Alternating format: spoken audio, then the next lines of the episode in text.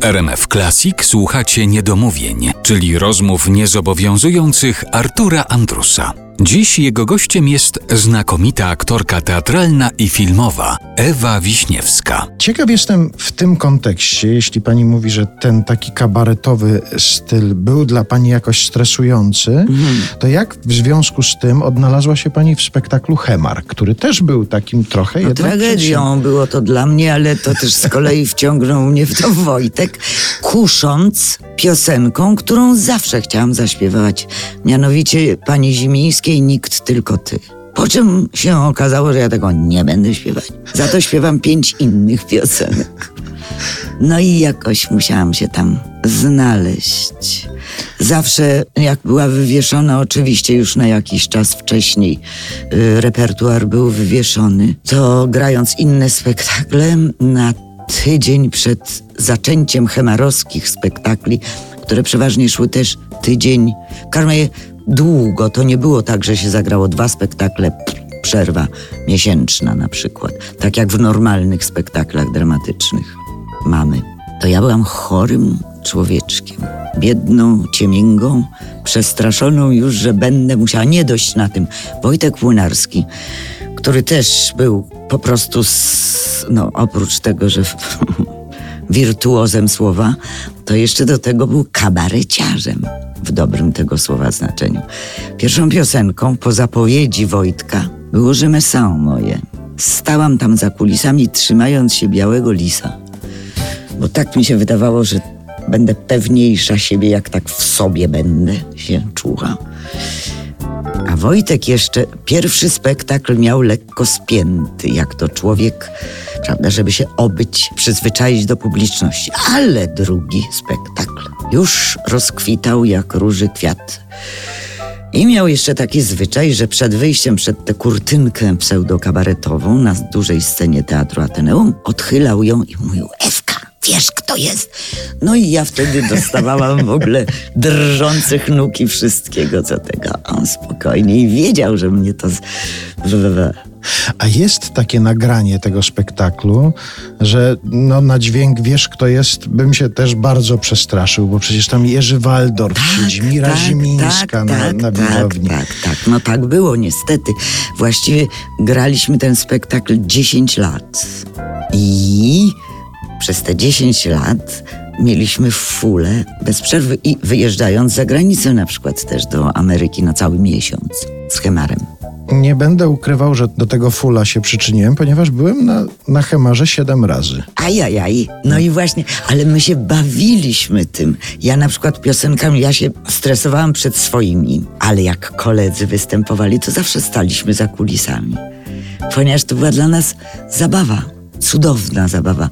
Tak jak mówią niektórzy, ale to aktorzy w filmach amerykańskich. Wyjęło mu oko, złamało rękę. W ogóle pół kadłubek jest.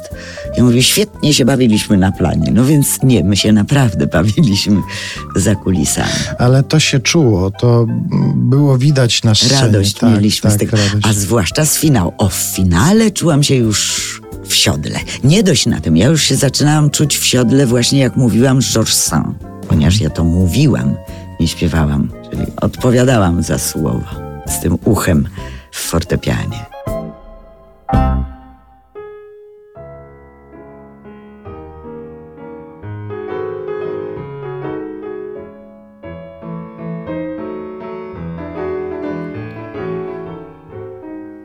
Już druga w nocy, a ja jeszcze piszę. Ciężko się rodzi nowa powieść ma. A przy pisaniu pianoforte słyszę z pokoju obok. To pan Chopin gra. To najładniejszy chyba z jego walców. Jaki w tym polor, jaki górny lot. Hmm. Nutki jak perły, tylko tak spod palców, nutki jak perły. Bardzo zręczny zwrot. W tych jego palcach tak magiczna władza i taka rzewność, dobry smak i moc. To czasami niemal mi przeszkadza, gdy muszę pisać, a jest późna nocach.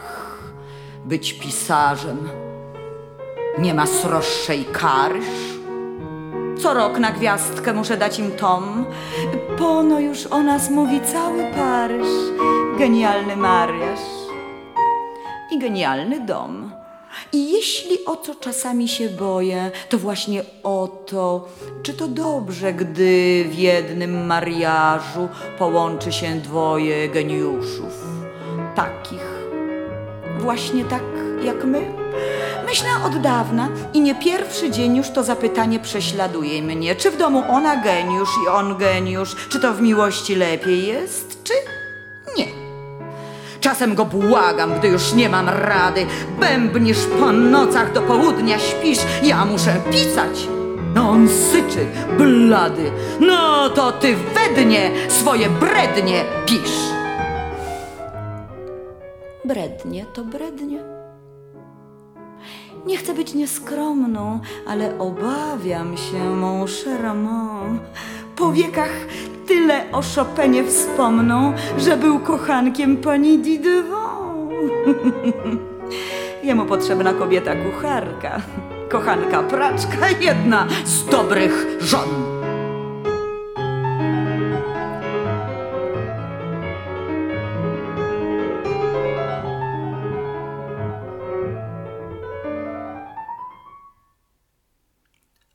Ale ja jestem powieściopisarka i ja mam lepsze recenzje niż on.